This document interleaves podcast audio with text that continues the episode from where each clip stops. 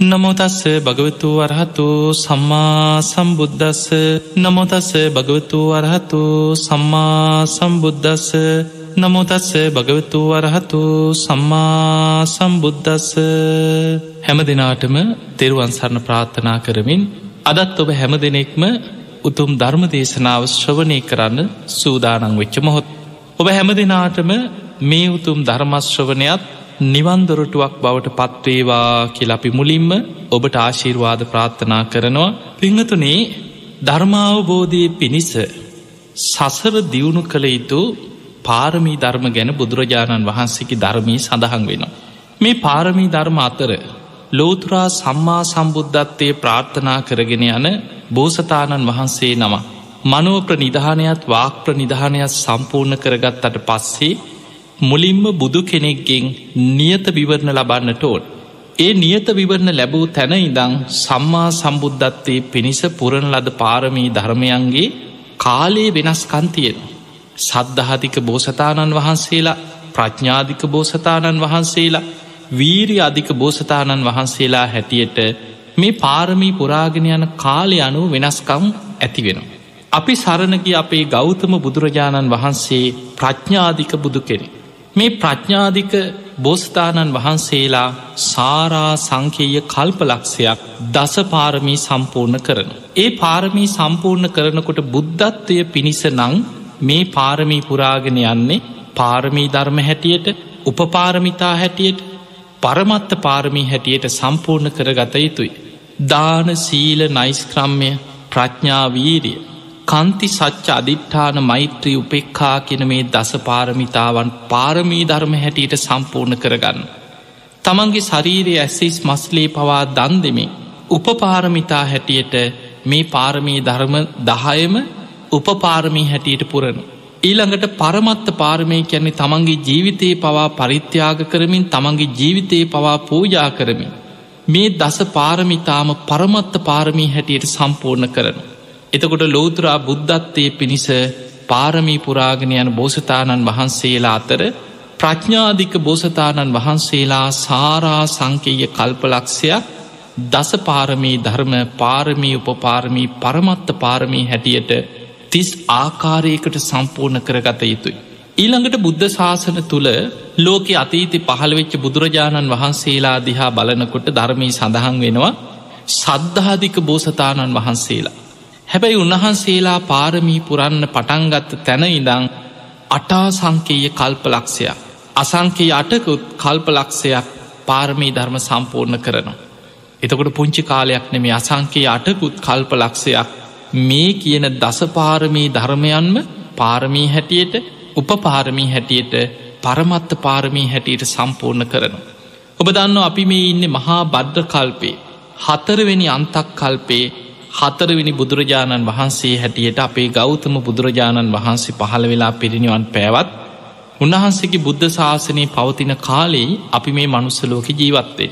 මේ මහා බද්ධ කල්පේ ඊළඟ අන්තක් කල්පේ පස්වනි අන්තක් කල්පේ මෛත්‍රී බුදුරජාණන් වහන්සේ ලෝකෙ පහළ වෙන.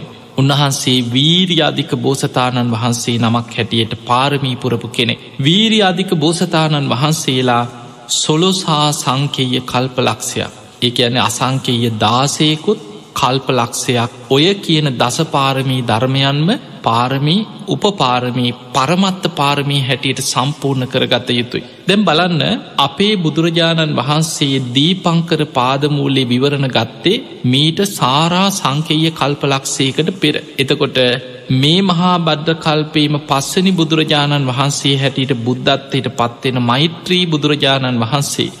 සොලුසා සංකීය කල්පලක්ෂයක් දසපාරමී සම්පූර්ණ කරනවා නං. එහෙමනං උන්වහන්සේ විවරණ අරගෙන තියෙන්නේ අපේ බෝසතාණන් වහන්සේ විවරණ ගන්න අසංකේය දොළහකට කලින් උන්වහන්සේ විවරණ අරගෙන පාරමී පුරන්න පටන් අරන්තියෙන්.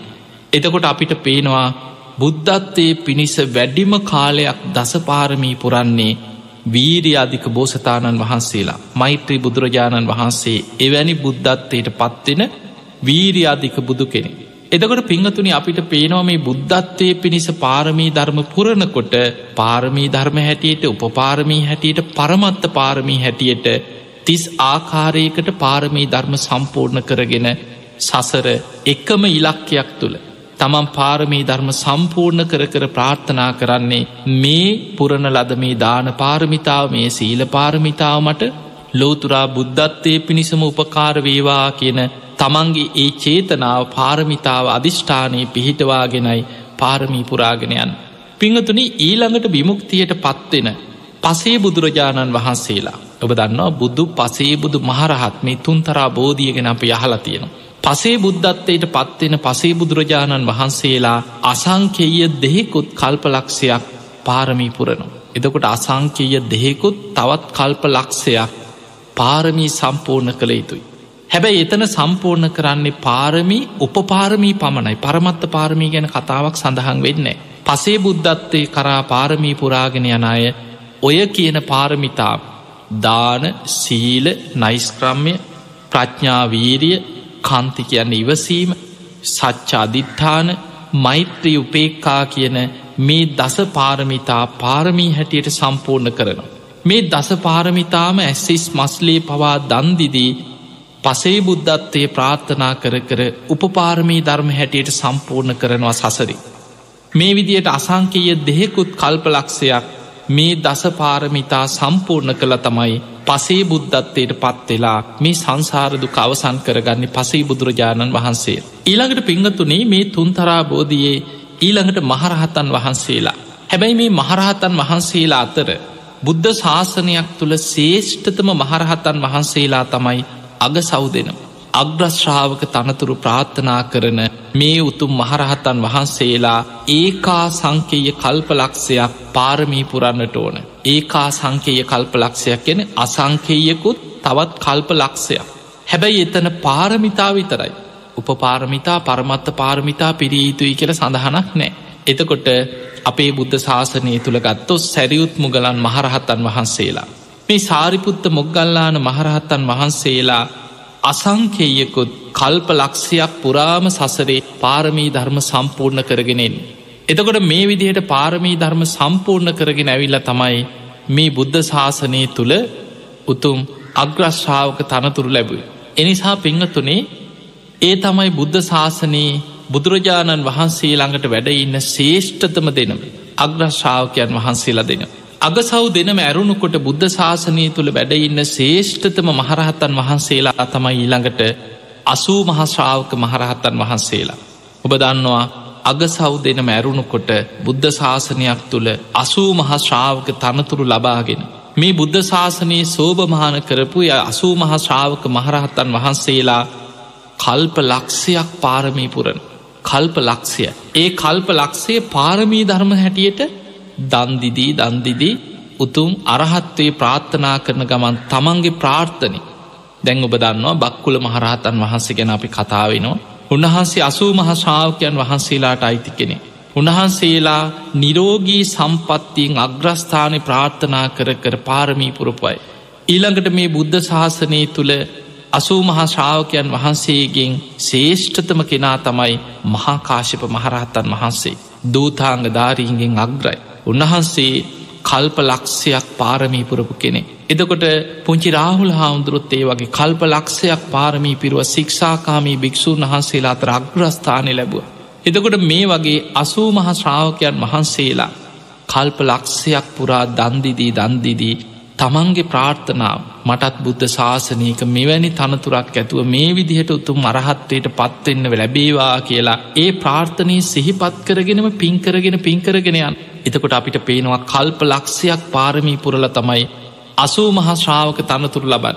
ඊළඟට ඒ විතරක් නෙමෙයි බුද්ධ ශාසනය තුළ බුදුරජාණන් වහන්සේ නමකගේ මව් පදවිය ප්‍රාර්ථනා කරන කෙනෙක්. ලෝතුරා බුදුරජාණන් වහන්සේ නමකගේ පිය පදවිය ප්‍රාර්ථනා කරන කෙනෙක්. ඒ වගේමයි ලෝතුරා බුදුරජාණන් වහන්සේ නමක් බුදුවෙන ආත්මි තමන්ගේ පුතනුවන් හැටියට පත්වෙන්න ඒ වගේම බිරිඳ හැටියට පත්වෙන්න ඒ වගේ තනතුරු ප්‍රාර්ථනා කරගෙන බුදු කෙනෙකුගේ ඒ ළඟම ඥාතීන් හැටියට ඒ තනතුරු ලබන්නත් කල්ප ලක්ෂයක් පාරමී පුරන්න ඕන කිය. එතකොට අපිට පේනවා මේ බුද්ධ ශාසනය තුළ මේ අපි කියවෙන මේ උතුම් තනතුරු මේවා ප්‍රාර්ථනා කරන අය සසර බොහෝ කල්. කල්ප ගනන් කල්ප ලක්ෂ ගනන් පින් දහම් කර කර පාරමී පුරාගෙනාපු අයි. හැබැයි පිංහතුනේ එතනින් මෙහා දැන් මහරහත්තන් වහන්සේලා ගත්තත් ත්‍රිවිද්‍යා ඇති මහරහත්තන් වහන්සේලා හිටිය. පංච අභිඥා ඇති මහරහත්තන් වහන්සේලා හිටිය. ෂඩාභිඥා ඇති මහරහත්තන් වහන්සේලා හිටිය. ආසවක්කේ ඥානයේ පමණක් ඇති විදර්ශනා කරලා උතු මරහත්තයට පත්වෙච්ච අනෙක් පෙරජීවිත බලන්නවත් උන්වහන්සේලාට වෙන දිවැශ්ඥානවත් කිසිම හැකියාවක් නැති හැබැයි සසර දුකින් මිදිච්ච සාමාන්‍ය මහරහත්තන් වහන්සේලා මේ බුද්ධ ශාසනය තුළ බොහෝ වැඩ හිටිය. උන්වහන්සේලාටත් පාරමී ධර්ම සම්පූර්ණ කළ යුතුයි. හැබැයි කොච්චර කාලයක්ද කියලා කාල නිර්ණයක් සඳහන් වෙන්නේ නෑ. ඒ අතර ගත්තහම ඔබ දන්නවා එහෙමනම් අනාගාමීවේ පලට පත්වෙන්. මේ බුද්ධ ශාසනය තුළ බනහලා ඇසූ සැනින්ම මාර්ග පල්ලබපු සෝවාන් වෙච්ච එක දේශනාව අවසන් වෙනකොට එක ගාථාවහල සෝවාන් වෙච්චයි හිටිය.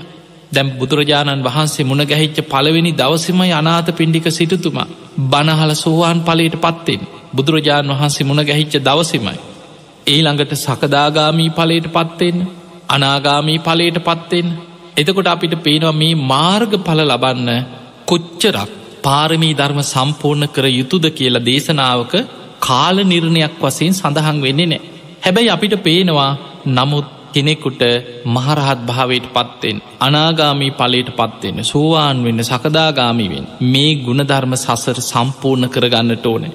මේවා ටික ටික හරි සසර දියුණු කරගෙන දියුණු කරගෙන නිවන අරමුණු කරගෙන ගුණධර්ම වඩාගත්ත කෙනාට තමයි ධර්මාවබෝධය පිණිස අවස්ථාව පරිසරේ පෑදේ.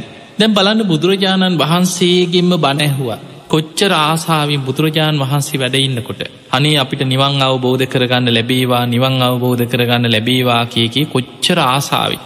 බණහන් ආවත් හැමෝටම නිවන් දකින්න පිනක් තිබුන්නෑ. එතකොට අපිට පේනවා සමහරයට එහෙම නිවන් දකින්න පින නෑ ඒකට සසර පින තියෙන්න්න ඕනි. බනහලා හිත පහදෝන ස්වාමීණි අද පටන් අපි බුදුන් සරණයනවා. අද පටන් අපි ධර්මය සරණයනවා. බුදුරජාණන් වහන්සේගේ මේ දේශනාව හරියට වහල තිබ්බ දෙයක් ඇරල පෙන්වා වගේ කියන.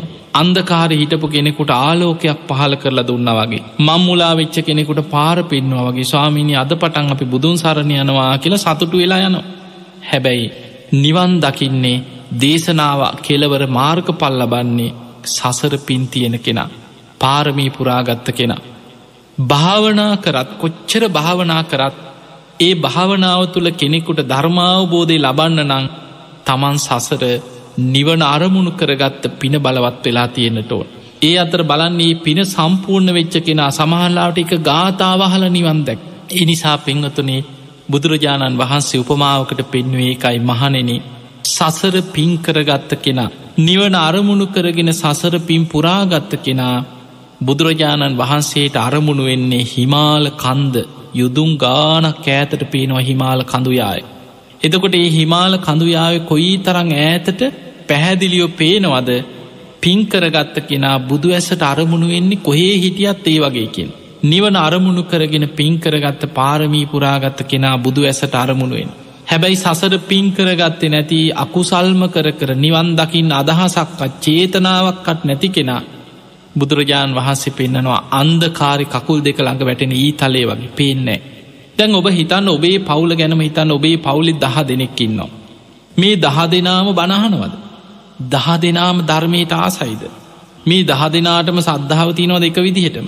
නෑ සමහලාට ඔබ මේ බණහනකොට මේ බනටත් බැන බැන සමහල්ලාවට ටෙල්නාටියක් බල බලා ඉන්න අයගේ වල්ලු ඇත් එක්කොට ඒවික දිහා බලාගෙන මොනවාහරි එක්ක චිත්‍රපටියක් හරි කිසිම වැඩකට නෑ තමන්ටත් නෑ අනුන්ටත් නෑ කිසි මාර්ථයක් නෑ. හැබැයි බණහන කෙනාටත් බනින පින්කං කරන්න යන කෙනාටත් බනින දන්දින කෙනාටත් බනින මුන්ට මේ හම්බ කරගෙන තියාගෙන ඉන්න බැරුව මුන්ට පිස්සු කිය කිය පින්කං කරන කෙනාටත් ගරහණයින් එතකොට අපිට පේනවා එකම පවුල එක බත් හැලිය කෑවත් එක ගෙදර ජීවත් වනත් හැමෝටම සද්ධාව එක විදිහට පිහිටන්නේ හැමෝගෙම ගුණධර්ම එක විදිහට බලවත් වෙන්නේ එනිසා පිංවතුනේ මේ සද්ධාදී ගුණධර්ම කෙනෙකුට මතු වෙලා ධර්මාවබෝධයට හිතක් නැඹුරු වෙන්න නං සසර පින තියෙන්න්නට ඕන. සසර පින බලවත් වෙන්නට ඕන. ඒ නිසා නිවන අරමුණු කරගෙන ඒ පාරමී ධර්ම පුරාගන්නට ඕන. ඔබ ටිකටික ඔබේ ජීවිතය තුළ සම්පූර්ණ කරගන්න උත්සාහයක් ගන්න තැන් බලන්න බුදුරජාණන් වහන්සේගේ මේ ගුණධර්ම දිහා ගත්තහම් දානී පටන්ගන්නෙම දාන පාරමිතා. හැබැයි කෙනෙකුට හිතෙන පුළුවන් අපෝ අපි ඉතින් කොච්චර දන් දෙනවද? කොච්චර පින්කාං කරනවද? අපි කොච්චර දන්දීලෑන් ඕකමොකත් හැබැයි පින්වතුනේ අමාරුම දේත් ඒකම තමයි. දැන් අපේ බෝසතාණන් වහන්සේ එදා දීපංකර පාදමුල්ලේ සුමේද තාපසයන් වහන්සේ හැටියට විවරණ ගන්න. මේ විවරණ ගැනීම ගැන සඳහන් වෙනවා බොහොම ලස්සන කාරණා ගොඩක්. එදා සුමේද නම් වූ තරුණයා බොහෝම දනවත් ශාල දනවස් සිටු පවුලක ඉපදුනේ. තරුණ වයසට එනකොට තමන්ගේ අම්ම තාත්ත දෙන්නම මරණයට පත් වුණ. පුංචි කාලෙ ඉදන් දැක්කෙ තමන්ට දනදහන්නේ වස්තුව අනෙක් නගරවල පවා තමන්ට තියෙන ධනය කරත්තවල පුරෝගෙන දවස ගාන ගෙනහලා තමන්ගේ සිටු මැදුරට පුරුවල යනව සයෝකයෝ. හැබැයි දෙමවපියෝ දෙන්න හිස් සතින් මිය පරලව ගියා. එදා මේ සුමේද කියන තරුණය කල්පනා කරන්නේ අපේ දෙමවපියෝ මේ මොනතරං වස්තුව මාලිගා මොනතරන් දේපල තිබුණත් පරලව ගිය නෑ මේ කිසි දෙයක් අරගෙන. ගබඩාවල් වල මේ ඔක්කෝම පුරෝ පුරෝ හිටියත් මේ සියල්ල අතහැරලා හිස් සතින් පරලෝගිය. ඒ නිසා මටත් වෙන්න මේවා බදාගෙන මේවා එක්රැස් කර කර මේවා පාලනය කර කර ඉන්න නං මටත් ඔයිර නම තමයිවෙන්. ඒ නිසා දන්දීම මයි සැපය. එහෙම හිතපු සුමේද නම් තරුණයා අජ්ජුරුවන්ගෙන් ගිහි අවසරයක් ගත්තා තමන් සතු පියා සතු තමන්ට උරුමයෙන් ලැබිච්ච වස්තුව දුගී මගේ යාචකයන්ට සියල්ල දන්දන්න රජ්ජුරුවන්ගේ අවසරයක් කෙල්ලුව. අවසර ඉල්ල හැම්ම තැනම ගමක් නගරයක් පාස ආණ්ඩබෙරකරුවන් පිටත් කළ අණ්ඩබෙර ගැහුව. මිනිස්සු පුද්දුම විදිහට සමහරු කරත් අරගෙනාව සමහරු උත්සගෙන යන්න පුළුවන්යි ගෝනි අරගෙනාව නොයෙක් විදිහට මිනිස්සු පිරිලා ඉතිරිලා එදා ගබඩාවල් සියල් ඇරලා. සඳලු තලේ ඉඳම් බලාගෙන සාධකාරදිදී සතුටුනා ඇති තරන් තමන්ට පුළුවන් හැටියට තමන්ගේ වස්තුව දීපල රිසිසේ අරගෙන යන්න කියලා මිනිස්සුන්ට අවස්ථාව දුන්න. මිනිස්සු කරත්තවල වස්තුව පටෝගෙන යනෝ. බඩුබාන්්ඩ ධාන්‍ය මේවා උත්සගෙන පටෝගෙන මිනිස්සු පින්දිදී යනවා. දින හතක් පුරා මේ වස්තු අරගෙන යන්න මිනිස්සු පිරිලා ඉතිරිලා මේ බඩු බාණ්ඩ අරගෙන ගියා කිය. මේ දිහා බලාගෙන සාධකාරදිදී සතුට වුණ අනේ කොච්චර දෙයක්ද දන්දීම අතහැරීම මයි සතුට. එදා සුමේද නම් තරුණය මේ විදියට දන්දීල දන්දීලා. අන්තිමට තමන්ට ඉතුරුණේ තමන්ගේ ගේ ඉඩමයි සිටු මැතුර. ඒ වෙලා සිටු මැදුරෙන් එලියට ඇවිල්ලා මේ විශාල සිටු මැදුර දිහා බලාගෙන ඉදල කල්පනා කරා මං මේ සියල්ල අතහැරලා විමුක්තියක් හොයාගෙන හිමාලෙට යනවා. මේ සිටු මැදුරේ දැන්වීමක් දැම්ම ඕන කෙනෙක් කැමතිසේ මේ දේපොල මේ සිටු මැදුරු මේ ඉඩකඩම් පරිහරණය කරත්වා කියලා මේ දැන්වීම දාලා අතහැල්ල ගියායන් මහා වනාන්තරයට යනවා. හිමාල වනාන්තරයට ගිහිල්ලත් තවස් දම්පුරනෝ. තවස් දම්පුරමින් භාවනා කරා කෙටි කලක් ඇතුළතම අෂ්ට සමාපත්ති දක්වා පංච අභිඥා ඇති ඉරදිමත් තාපසයෙක් බවට පත් වුණ. දැන් සුමීද තාපසයන් වහන්සේ. දවසක් මේ සුමේද තාපසයන් වහන්සේ අහසින් යනව ගමන. මෙහෙම යනකොට දැක්ක බොහෝ පිරිසක් එක පාරක් හදනෝ. කොඩි සේසත් නංවනෝ තොරං හදනෝ. බොහෝම ලස්සන්ට පාරවල්වල සුදු වැලි ගෙනහල්ල මිනිස්සු වැලි අතුරන. කල්පනා කර මොකද මේ මිච්චර ලස්සනට මේ පාරක් සරසන්නේ මොකද අහසින් යන ගමනේ පහලට බැස්ස බැහැ ලැහුව මිනිස්සුන්ගෙන් මොකද මේ මේ තරන් ලස්සනට පාරක් සලසන්නේ මොකටද මේ කොඩි සේසත් නංවන් හිතකොට කිවැයි දන්නේ නැද්ද. ලෝතුරා බුදුරජාණන් වහන්සේ නමක් පහළ වෙලා දීපං කර නමින්. උන්වහන්සේ අද ලක්ෂයක් පමණ රහතුන් පිරිවරාගෙන මේ නගරයට වැඩම කරනවා. අපි මේ දානයකට උන්වහන්සේට ආරාධනා කරලා දහවල් දානී සූදානන් කරන. ඒ වෙනුවෙන් තමයිකව පාරහදන්. ඒවිලේ අනේ මටත් කොටසක් දෙන්න කියලා ඉල්ලුව. මිනිස්සු කල්පනා කරා සුමේද තාපසයන් වහන්සේ හිමාල ඉන්න බොහොම ඉරදි බල සම්පන්න කෙනෙ. මේ ඉරදි බලයෙන් පාරහදන එක මොකක්ද මෙයාට කියලා මඩ ගොඩ තමයි දුන්න. හැබැයි සුමේද තාපසය කල්පනා කර ඒ විදිහට නෙමේ ඔහු කල්පනා කරා මට ඉරදියෙන් නාගලෝකට ගිහිලා නාගවර්ණ පාශානගන්න පුළුව. හිමාලෙට ගිහිල්ලා. හිමාල කඳුමුදුනෙ තියෙන ඒ මැනික් වර්ගෙන ගෙනහල්ල පාර සරසන්න පුළුව. ඒ විල්ලොල තියෙන වටිනම් මැටි වර්ග අරංගන්න පුළුවන් හිමාලෙ. නමුත් වටිනාමදේ ඉරදියට වඩා අතපය වෙහෙසෝලා මේ මිනිස්සු වගේම දහඩිය වගුරෝල පාරහදන එක තමයි වටින්. ඉරදිය පැත්තක තිබ්බදෙන් කියලා. මඩ අත් දෙකින් අරගෙන සාමාන්‍ය කෙනෙක් වගේම සුමේද තාපසයන් වහන්සේ අර පාර ඉක්මනට අර මඩගොඩ අස්වලින් වැලිවලින් පුරෝමින් මඩගොඩ හදන්න පටන්ගත්. පාරි අනෙක් සියලු කොටස් අවසන් වනා අත් දෙකින් මේ මඩගොඩ හදාගෙන ගිය නිසා තමන්ගේ කොටසෙ කොටසක් අවසංකර ගන්න බැරි වුණ. ටික වෙලාවක් යනකොට මිනිස්සු සාධකාරදිදි හඬ ඇහෙනවා ඈතින් පේනවා දීපංකර බුදුරජාණන් වහන්සේ විශාල සඟ පිරිසක් පිරිවරාගෙන වඩින. ඉක්මනට ඉක්මනට තමන්ගේ මඩගොඩ හදලා ඉවර කරන්න බැලුව ඉවර කරගන්න බැරි වුණා අවසානයේ කරන්න දෙයක් නෑ අර මඩගොඩේම බිම දිගාවෙලා වැඳගත්. වැඳගෙන ඉන්නවා අධිෂ්ඨානයක් තියෙනවා හිතේ. දීපංකර බුදුරජාණන් වහන්සේගේ සම්බුදු සිරිපතුල්ලොල්ට මේ මඩ නොපෑගේවා. උන්වහන්සේ මගේ ශරීරයේ මතින් සිරිපා තබමින් වැඩම කරත්වා. මගේ ජීවිතයේ ලෝතුරා බුදුරජාණන් වහන්සේ උදෙසාම පූජාවේවා.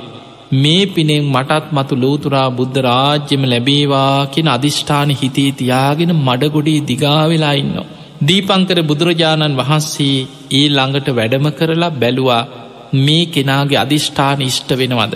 කෞද මේ මොනවගේ අධිෂ්ඨානයකින්ද මේ මඩගොඩේ දිගාවෙලා වැඳගෙන ඉන්නේ. සුමේද තාපසයන් වහන්සේ ගැන සියල්ල බුදු නුවනට වැටහුණ. අනාගතයේ දිහා බුදු ඇසිම් බැලුව මේ කෙනාගේ ප්‍රාර්ථනාව ඉෂ්ට වෙනවත්. තව සාරා සංකේය කල්ප ලක්ෂයක් ගිය තැන ගෞතම නමින් සම්මා සම්බුද්ධත්වයට පත්වෙන. එදා එතනදි තමයි දීපංකර බුදුරජාණන් වහන්සේ මුලින්ම විවරණ ලබා දුන්නේ මහනෙන මේ මඩගොඩේ දිගාවෙලා ඉන්න මේ මහා වීරියවන්ත කෙනා තව සාරා සංකීය කල්පලක්ෂයක් ගේ තැන ගෞතම නමින් සම්මා සම්බුද්ධත්වයට පත්වෙනවා. ඒ බුද්ධ ශාසනය තුළ සැරියුත් මුගලන් නමින් අග්‍රශ්‍රාවක යුලක් එදාට පහළ වෙනවා. ආනන්ද නම් වූ අග්‍ර උපස්ථායක් කෙනෙක් පහළ වෙනවා. මේ ලෝකයාටම දහම් මැස පතුරෝනවා කියලා ඒ අනාගතයේ ගැන කාල නිර්ණයක් ඇතුව නියත වසයෙන්ම බුදු කෙනෙක්ගේ බුදුමුවින් දේශනා කර එක තමයි නියත විවරණ ලැබෙනවා කියන්න. ඒ වෙලා සුමේද තාපසයන් වහන්සේ සාධු කාරදීල අනුමෝදං වෙලා සතුටු වෙලා අහනවා නේ ස්වාමීනී භාග්‍යතුන් වහන්ස සම්බුද්ධත්තේ පිණිසමා දියුණු කළ යුතු බුද්ධ කාරක ධර්මයන් මොනවද කෙලැහු. ඒ වෙලාවෙ දීපංකර බුදුරජාණන් වහන්සේ අර පිරිස අතරදි බුද්ධ කාරක ධර්මයන් ගැන දේශනා කරා සුමේද ඔබ සම්බුද්ධත්තය අරමුණු කරගෙන දාන පාරමිතාව පාරමී උපපාරමී පරමත්ත පාරමී හැටියට සම්පූර්ණ කරා. ඔබ සීල පාරමිතාව පාරමී උපපාරමී පරමත්ත පාරමී හැටියට සම්පූර්ණ කරගන්න. ඔබ නයිස්ක්‍රම්ම පාරමිතාවත් පාරමී උපපාරමී පරමත්ත පාරමී හැටියට සම්පූර්ණ කරන්න. ඔබ ප්‍රඥා පාරමිතාවත් පාරමී උපපාරමී පරමත්ත පාරමී හැටියට සම්පූර්ණ කරන්න. ඔබ වීරිය පාරමිතාවත් පාරමී උපපාරමී පරමත්ත පාරමී හැටියට සම්පූර්ණ කරගන්න. කන්ති සච්චාධිට්ඨාන මෛත්‍රී උපෙක්කා කියන මේ පාරමී ධර්ම සියල්ල ගැනම ඔය විදිහට දේශනා කරා පාරමී උපපාරමී පරමත්ත පාරමී හැටියට ලෝතුරා සම්බුද්ධත්වයේ පිණිස ඔබ සම්පූර්ණ කරගත යුතුයි කියලා දස පාරමී ධර්මයන් ගැන දේශනා කරලා දීපංකර බුදුරජාණන් වහන්සේ සඟ පිරිස සමඟ දානයට වැඩිය. එතනම ගහක් යට සුමේද තාපසයන් වහන්සේ භාවනාවට සමවැදුන්. අෂ්ට සමාපත්ති ඇති පංච අභිඥා ඇති මේ ඉරදිමත් තාපසයන් වහන්සේ සුමේද තාපසයන් වහන්සේ භාවනාවට සමවැදිලා දැඩිසේ අධිෂ්ඨානයක් ඇතිකරගත්තා මම අද පටන්. මම මේ මොහොතේ පටන්. දාන පාරමිතාව පාරමී උපපාරමී පරමත්ත පාරමී හැටියට. ලෝතුරා සම්බුද්ධත්තේ පිණිස දියුණු කරනවා කියලත් දැඩි අධිෂ්ඨානයක් කරගන්නකොටම මහපොළොව ගිගුරුම් දෙමින් කම්පාවට පත් වුණ. දීපංකර බුදුරජාණන් වහන්සේ සඟ පිරිසත් සමඟ දානශාලාය වැඩඉන්න. දානයේ වලඳන්න පෙර පොළුව කම්පාවට පත් වුණ සඟ පිරිසානවා ස්වාමීනියයිමේ ටික වෙලාවක් යනකොට දෙවනි වතාවත් පොලෝ කම්පාවට පත්වන. තුන්ගනි වතාවත් පොලෝ කම්පාවට පත් වන. මේ වගේ දස වතාවක් සැරින් සැරී පොලෝ කම්පාවට පත් වන. දීපංකර බුදුරජාණන් වහන්සේ වදාළ මහනෙන ඔය දස වතාවක් පොලෝ කම්පාවට පත්වනේ. අර මගදි මුණ ගැහෙච්ච සුමේද තාපසයන් වහන්සේ දසපාරමී ධර්මයන් පාරමී උපපාරමී පරමත්ත පාරමී හැටියට පුරනවා කියලා දසවතාවක් දැඩිසි අධිෂ්ඨාන කරගත්තා කියන. ඒ ඒ පාරමිතා අධිෂ්ඨාන කරනකොට දස වතාවක් මහපොලෝ කම්පාවට පත්වෙනවා. ඔය විදියට තමයි එදා දීපංකර පාදමුලේ අපේ බෝසතාණන් වහන්සේ විවරණගත් මෙහෙම විවරණ අරගෙන පාරමී පුරාගෙන පුරාගෙන දාන පාරමිතාව ගත්තො. උන්වහන්සේ සසරි දන්දීලා තියෙන ආකාරය ගැන සඳහන් වෙන විස්තර දේශනා ගත්තහම්. උන්වහන්සේ අවස්ථාවක දේශනා කරනවා මහනෙනේ තතාගතයන් වහන්සේ සාරා සංකීය කල්ප ලක්ෂයක් මේ අහසේ තියෙන තරු කැට යම්සේද රාත්‍රී අහසේ හොඳට පැහැදිලි අහසක වලාකුළුවලින් මෙදිච්ච අහසද්ධහා බලනකොට තරු කොයි තරම් ඈතට තරු කැට පේනවත් බුදුරජාණන් වහන්සේ වදාළ මහනෙනමේ තරු කැට පරදා. ලෝතුරා සම්මා සම්බුද්ධත්වයම මට ලැබේවා ලැබේවා කියන ප්‍රාර්ථනය සසරේ ඇස් දන්දීපුවාර අනන්තයි කිය. ඒ වගේම මහපොළොවෙ තියෙන පස් හිතාගන්නවත් පුළුවන්ද මහපොළොවෙ තියෙන පස් ඊට වඩා ශරීර මාන්සේ දන්දීල ඇති කියන ආත්ම භාවල මට ලෝතුරා සම්බුද්ධත්වයම ලැබේවා ලැබේවා කියන ප්‍රාර්ථනයමත්. සතර මහා සාගර ජලය ගත්තහම මේ මහා පෘතුවයේ වැඩිම කොටසක් තියෙන්නේ ගොඩබිමට වඩා සාගරේ. මේ සාගර ජලය යම්සේද. සාරා සංකීය කල්පලක්ෂයක් පුරාම මට ලෝතුරා සම්බුද්ධත්වයම ලැබේවා ලැබේවා කියන ප්‍රාර්ථනය තුළ ලේ දන්දුන්න කියනම් මහා සාගරයේ ජලයට වඩා ලේ දන්දීලැත්. එතකොට මේ විදියට උන්වහන්සේ සසරි පුරපු මේ දාන පාරමිතාව ගැන ගත්තහම්. රාජ්‍ය රජ සම්පත් මිනිස්සුන්ට ඇඳුම් පැළඳුම් කෑමබීම ආහාරපාන දන්සැල් මොන තරන්නම් දං වැටවල් පැවැත්තුවත්. අහස උසට දානි කන්දවල් ගොඩගසගස්ස දන්දීපු ආත්ම භාව ගැන. බොහෝ ආත්ම භාව ගැන උන්වහන්සේ දාන පාර්මිතාපුරපු ආත්ම ගැන දේශනාවල සඳහන්වෙන්. බුද්ධ ශූන්‍ය කාලවල පවා දං වැටවල් පැවැත්ව දුගී මගේ යාජකය ලෝක හැමදාමයින්. ඒ නිසා කදිරංගාර ජාතකයේ සඳහන් වෙන උන්වහන්සේ සසරි දන්දීපු හැටි ජීවිත පරිත්‍යාගෙන් පසේබුදුවරුන්ට. එදා වසවර්ති මාරයක් ගිනි වලක් මවපු වෙලාවේ දානෙ භාජනය අරගෙන ගිනිවලට පැන්න.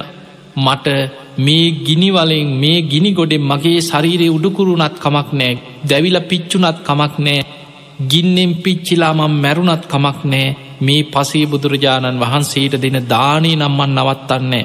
මට දානි හැන්දක් හරියේ පාත්‍රයට පූජා කරගන්න ලැබේවා ඒ පිනෙන් මට ලෝතුරා බුද්ධ රාජ්‍යම ලැබේවා කියලා පැන්නර ගිනිවල එදා සසර පුරපු පාරමී ධර්ම බලයෙන් ගිනිවල මැද්දෙන් නෙළුම් මලක් මතු වෙලා උන්වහන්සේ ඒකට වැටුණ කිය. මේ මල මත වැඩයිදගෙන තමයි පසේ බුදුරජාණන් වහන්සේට දන් දෙන්නේ කදිරංගාර ජාත් එතකොට මේ ජාතක කතා බලාගෙන බලාගෙන එනකොට. අපේ බෝසතාණන් වහන්සේ සසරි කොච්චරනන් දන්දීලා තියෙනවා හැබැයි පින්වතුනේ සාරා සංකීය කල්පලක්ෂයක් ඔය තරන් දන්දීගෙන දන්දීගෙනාවත්. අපේ බුදුරජාණන් වහන්සේ මේ විදියට පාරමී පුරාගෙන ඇවිල්ලා මේ මහා බඩ්ඩ කල්පේ කකු සඳ කෝනාගමන කාශ්‍යප බුදුරුත් පහළවට. කාශ්‍යප බුද්ධ ශාසනයේදී එදා ජෝතිපාල මානවක හැටියට අවසාන වසයින් විසි හතරවෙනි වතාවටත් බුදු කෙනෙක්ගෙන් විවරණ ලැබුව. එහෙම විවරණ අරගෙන බොහෝ පින් කරලා දෙව්ලොව ඉපදුනා.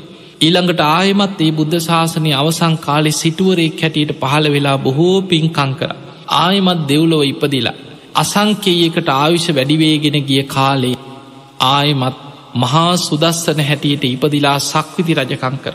මෙහෙම බොහොම පින් කරලා පින් කරලා ආයත් දිවිය ලෝක ඉපදුන්. දැන් මේ මහා බඩ්ඩ කල්පේ හතරවෙනි අන්තක්කල්ට ලංවෙලා ආවිශ අඩුවේගෙනෙන කාලේ හැබැයි පේ බෝසතාණන් වහන්සේ පාරමී පුරල දැන් තුසිත දෙව්ලෝ පහළ වුණා මට පාරමී සම්පූර්ණයි.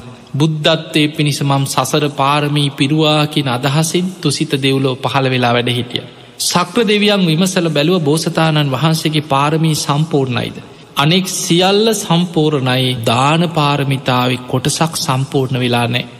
එදකොට බලන්න පටන්ගන්නෙමත් දාන පාරමිතාවේ. සසරි කොච්චර ඇස්සිස් මස්ලේ පවා දන්දිදී රාජ්‍ය පවා දන්දිදී මොනතරම් පාරමී පිරුවද. හැබැයි දාන පාරමිතාව තව පොඩි කොටසක් සම්පූර්ණ කරගෙන නෑ බුදුවෙන්. ඒ වෙලේ සක්‍ර දෙවියෝ බැලුවා පාරමී පුරන් ආයමත් මනුලොවට යායුතුයි බෝසතාණන් වහන්සේ.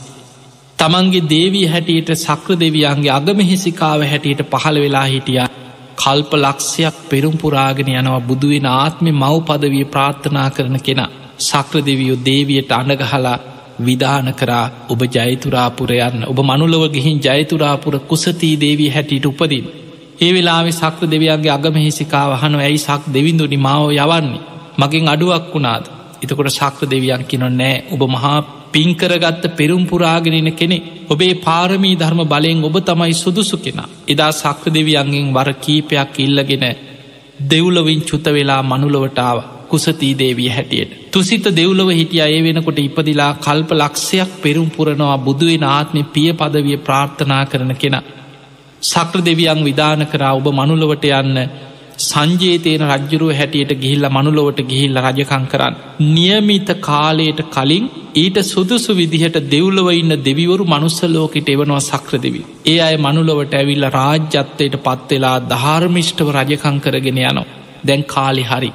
සක්‍ර දෙවියම් බෝසතාණන් වහන්සේට දෙවිවරු පිරිවරාගෙන ගිහිල් ආරාධනා කරා මහාවීරයන් වහන්ස. ඔබහන්සේ මහා වීරියවන්ත කෙනෙක් ඔබහන්සේ සාරා සංකීය කල්ප ලක්ෂයක් පාරමී ධර්ම සම්පූර්ණ කරගෙන එන කෙනෙ. නමුත් ඔබහන්සේගේ දාන පාරමිතාව කොටසක් සාම සම්පූර්ණ වෙලා නෑ. ඒ නිසා ඒ කොටසත් සම්පූර්ණ කරගන්න මනුලොවට වඩින සේක්වා. අන්න ජයතුරාපුර කුසතී දේවිය හැටියට ඉපදිලා ඉන්නවා මහා පින් ඇති කෙන මේ මෑණියන්ගේ කුස පිළිසිඳ ගන්න සේක්වා කියලා ආරාධනා කර. එදා අපේ බෝසතාණන් වහන්සේ දෙව්ලොවින් චුත වෙනකොටම මේ බුද්ධ ශාසනයේ නිවන් දකින්න පින්කරගෙන පෙරුම්පුරාගෙනාපු අනිත් දෙවිවරු බොහෝ පිරිසක් තුසිත දිවියලෝකින් හැටදාහක් තරම් පිරිසත් දෙව්ලොවින් චුත වෙලා ජයතුරාපුරම ඒ ආසන්න ගම්මානවල ඒ නගර ඈත ඇත පලාත්වල අම්මාවරුන්ගේ කුස එදාම පිළිසිඳ ගත්තා කියල. අපේ බෝසතාණන් වහන්සේ කුසතිී දේවිය කුස පිළිසිඳක දැම් මේ ආත්මි ආවිම දන් දෙන්නවයි. කුසේ පිළිසිඳගත්ත මොහොතේ ඉදන් දේවියට දුළදුකක් ඇතිවෙනවා දන් දෙන්නමයි ආසා දොළදුක එන්නේ දන් දෙන්නමයි. සල්ලි තියෙනවා ඕන තරම් රජ කෙනෙ දඹදිව බොහෝම බල සම්පන්න ඉදා රජ්ජුරු. ඒ නිසා දවස ගානි ලක්ෂය ලක්ෂය වියදං කළ දේවියගේ දොළදුක සංසිදවන්න මාලිගාව ඉදිරියේම දං වැටක් පැවැත්තුවා දුගී මගේ යාචකයන් වෙනුවේ. දවස ගානි දන් දෙනවා දේවිය බොහෝම සතුටින් ඇවිල්ලා අර දන්සැලට ඇවිල්ල දුගී මගේ යාචකයන්ට තමන්ගේ මතින් සාධකාරදිදී සතුටින් දම්බෙදන. මේ විදිහට දරුව බිහිවෙන දවස එන කම්ම දවස ගානි දං වැටක් පැවැත්. දරුව බිහිවෙන්න ලකුණු පහළ වෙනකොට තමයි දේවියට ආසාාවක් ඇතිවුණේ වෙලද නගරේ නගරේ තියෙන දියුණුම නගර වෙළඳ නගරේ බලන්න නගර සිරි නරමන්න ආසාාවක් ඇතිවුණ. රජ්ජුරුවන්ට දැනුදුන්නට පස්සේ මංගල සම්මත අමාත්‍යවරු ලවා දෝලාවක පෙරහැරකින් බොහොම ලස්සන්ට නගරේ සරසලා පෙරහැරෙන් වීදි සංචාරය කෙරෙව්. එදා වෙළඳ නගරෙදිම දරුව බිහිවෙන ලකුණු පහළ වෙනකොට ඉක්මනට අර සේවිකාව වටතිර ඇදලා වෙළඳ නගරේම දරුව බිහි කරන්න පරිසරය සකස් කරගත්. එදා දරුව බිහි වෙනකොටම සුවසේ කිසිම වේදනාවක් නැතුව වෙළඳ නගරේදිම දරුව බිහිව. බොහෝම පින්වන්ත දරුවේ. මේ දරුව බිහි වෙනකොටම හිනාවීගෙන මේ දරුව බිහි වුණා අම්ම දිහා බිහිවෙච්ච ගමන් අම්මගේ අතට දරුව දෙනකොට අම්ම දිහා බලල හිනාවෙලහනවා අම්මි දන් දෙන්න මොකුත් නැද්ද. ඒ තමයි වෙස්සන්තරාත් ඉපදිච්ච ගමන් කතා කරපු ආත්මයක් අම්මි දන් දෙන්න මොකුත් නැද්ද කියාගෙන තමයි ලෝකෙට පහළවන. දහසක් බැඳි රන්කාවනු පොදයක් ඒ මොහොතේම් පුංචි අත් දෙකට ලංකරනකොට අතින් අල ළඟ හිටපු අම්ම කෙනෙකුට දිගු කරා කියන. මේ වෙස්සන්තර ආත්මි ගැන බෝන තරන් දේශන අහල ඇති.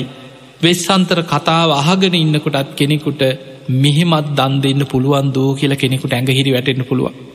හත්වාරයක් මහපොලෝ පවා කම්පාවෙන වෙස්සන්තරාත්මි දන්දිනෙක්.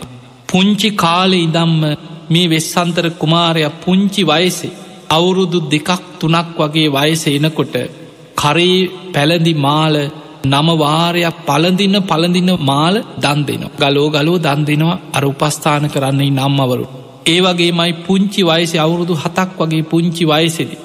මාලිකාව ඇතුළේ බද්ධ පරියන්කෙන් වාඩි වෙලා සමාපත්තියට සමවැදිලා දැඩිසේ අධිෂ්ඨාන කරගන්න. යම් කිසි කෙනෙක් මගේ ඇස්සිල්ලගෙන පැමිණෙනවනම් ලෝතුරා බුද්ධත්තේ පිරිසමං ඇස් දන් දෙනවා. යම් කිසි කෙනෙක් මගේ ශරීර මාන්සේ ඉල්ලගෙන පැමිණෙනවන ලෝතුරා බුද්ධත්තේ පිරිසමං ආයි දෙපාරක් හිතන්නේ මගේ ශරීර මාන්සේ දන් දෙනවා. යම් කිසි කෙනෙක් මගේ ලේ ඉල්ලගෙන පැමිණෙනවනං ලෝතුරා බුද්ධත්තේ පිණිසමන් ලේ දන් දෙනවා. යම් කිසි කෙනෙක් මගේ ජීවිතය ඉල්ලගෙන පැමිණෙනවන මම රාජ කුමාරක මතහැරලා දාසයෙක් වෙලා මගේ ජීවිතේම දන් දෙෙන. මෙහෙම හිතාගෙන හිතාගෙන සිය දහස්වාර සමාපත්තියට සමවැදිලා. තමන්ගේ දානමේ චේතනාව මෙනෙහි කරගෙන මෙනෙහි කරගෙන යන්න යන්න මහපොළොව ගිගරුම් දෙමින් කම්පාවුනා ඔබහන්සේට ඔය හිතන දේ කරන්න පුළුවනි කියලා සාක්ෂි වසේ මහපොලෝ කම්පාවෙන. මේ වෙස්සන්තරාත්මි තමන්ගේ රාජ්‍ය අමුදරු සැප සම්පත් සියල්ල දන් දෙනවා හත්වාරයක් මහපොලො පවා කම්පාවෙන්.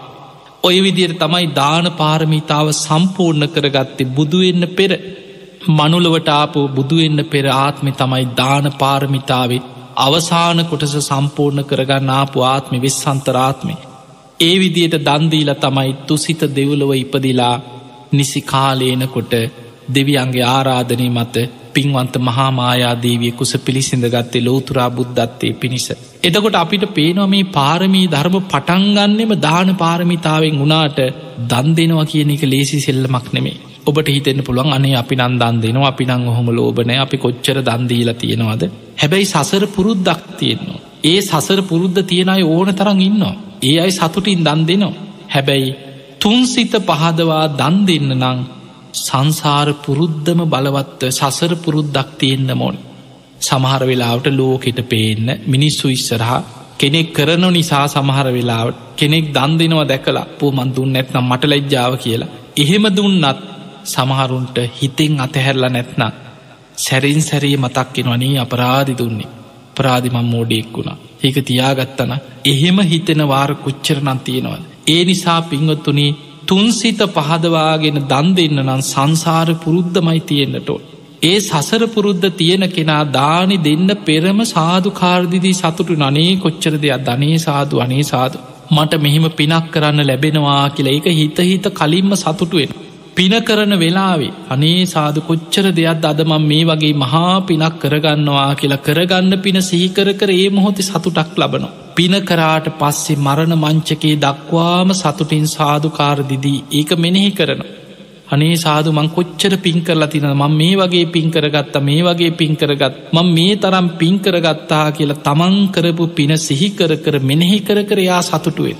ඒ නිසා තුන් සිත පහදවා දන් දෙන්න නං සසර පුරුද්දක් තියෙන් ඕන්. එහෙම සසර පුරුද්ධ තියෙන කෙනා දන්දීලා ඔබ දානයක් දුන්නත් ප්‍රාර්ථනා කරන්න මේ දාන මේ පින මට නිවන්න අවබෝධයටම පාරමිතාවක් වේවා කියෙන ප්‍රාර්ථන එක තමයි දාන පාරමිතාවක් වෙන්. ඔබ සිල් රකිනවා ඔබ වැටි වැටි හරි කෝමහරි නැකටින්න උත්සා කරන. පන්සිල් සමහර වෙලාටසි පන්සිල් ගත්තට දවසක් පන්සිල් ටික රැකගන්න බෑ මේ පන්සිල් ගන්නවා මේ ටිකකින් ආයි බොරුවක් කියවේ. ඒක තමයි මේ සංසාර පුරුද්දක් තියෙන ඕන සතුටින් සිල් රකින්න. එතකොට අපිට පේනවා සිල් රකින්න. දැ කොච්චර අමාරුද සිල් රකිනවාගෙනක ලේසි දෙයක් නෙමේ අමාරුයි. පන්සිල් ගන්න ලේසි සිල්රෙදි පොරෝගන්න ලේසි. හැබැයි සික්ෂාපද ගැන සිහියෙන් ඉඳගෙන සිල් සමාදන් වෙච්ච ඒ සමාධාන සීලේ ආරක්ෂා කරනවා කියන්න. ඒ සික්ෂාපද සමාදන් වනාට ඒ සීලය නොකඩ රකිින් ආරක්ෂා කරන්න.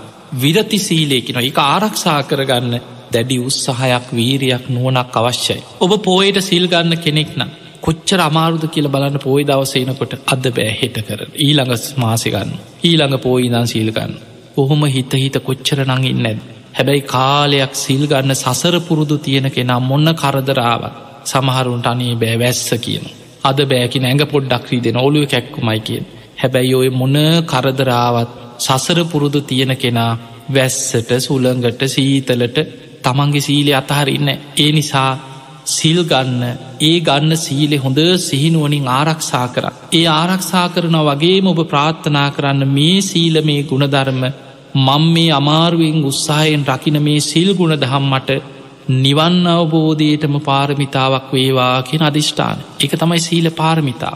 ඊළඟට නයිස්ක්‍රම් කාමයන්ගෙන් වෙංවීම කාමයන් අතහැරීම ඒක පුරුදු කරගන්න ඔබ රජමැදුර හිටියත් හිතන්න මේ අනිත්‍යයි මේවා යම් දවසක අතහරින්න වෙනවා. ආදීනව සිහි කරන්න පුරුදු වෙන්න හිතෙන් නොවැලී ඒව පරිහරණය කරන්න කාමයන්ගේ ආදීනව සිහි කරන්න. එහෙම සසර පුරුද්දක් තියෙන කෙනා රජමැදුර හිටියත් අතහරින. සසර පුරුදු නැති කෙනා පැල්පතේ හිටියත් ඉන්න තැනකුත් නෑ ඒත් අතඇරගන්න බෑ. බුදුරජාණන් වහන්සේ ලස්සන උපමාවක් පෙන්නලම් දවසක් භික්‍ෂූන් වහන්සේලාට පෙන්වා මහනෙන්. සසර අතහැරීම පුරුදු කරගත් නයිස්ක්‍රම්්‍ය පුරාගත් පාරමී පුරපු මහා පින් ඇති අය රජ පවුල්ලල උපදිනවා කියන ලස්සන රාජ කුමාරුරු වෙලා උපදිනවා සසර පින් තියෙනයි. දිව්‍යාංගනාවක් වගේ බොහෝම ලස්සන කුමාරිකාවරු පිනට ලැබෙන. තමන්ගේ කුමාරිකාවරු දිව්‍යාංගනාවක් වගේ ලස්සනයි. ආහාරගන්නේ රත්තරං භාජනවල රත්තරන් තැටිය තමයි ආහාර ගනි රන් පිඟන්තීන් පරිහරණය කරන්න රත්තරම් පිඟංකෝ රන් මිරි වැඩි සඟල සෙරෙප්පු දෙක පව රත්තරණින් නිර්මාණය කරලා තියෙන්. වටිනා සලුපිලි කසී සලු ලෝකෙ තියෙන වටිනාම සලුපිලි තමන්ට ලැබෙන. තමන්ට අතට පයට වැඩකාරයෝ සේවක ඕන තරම්.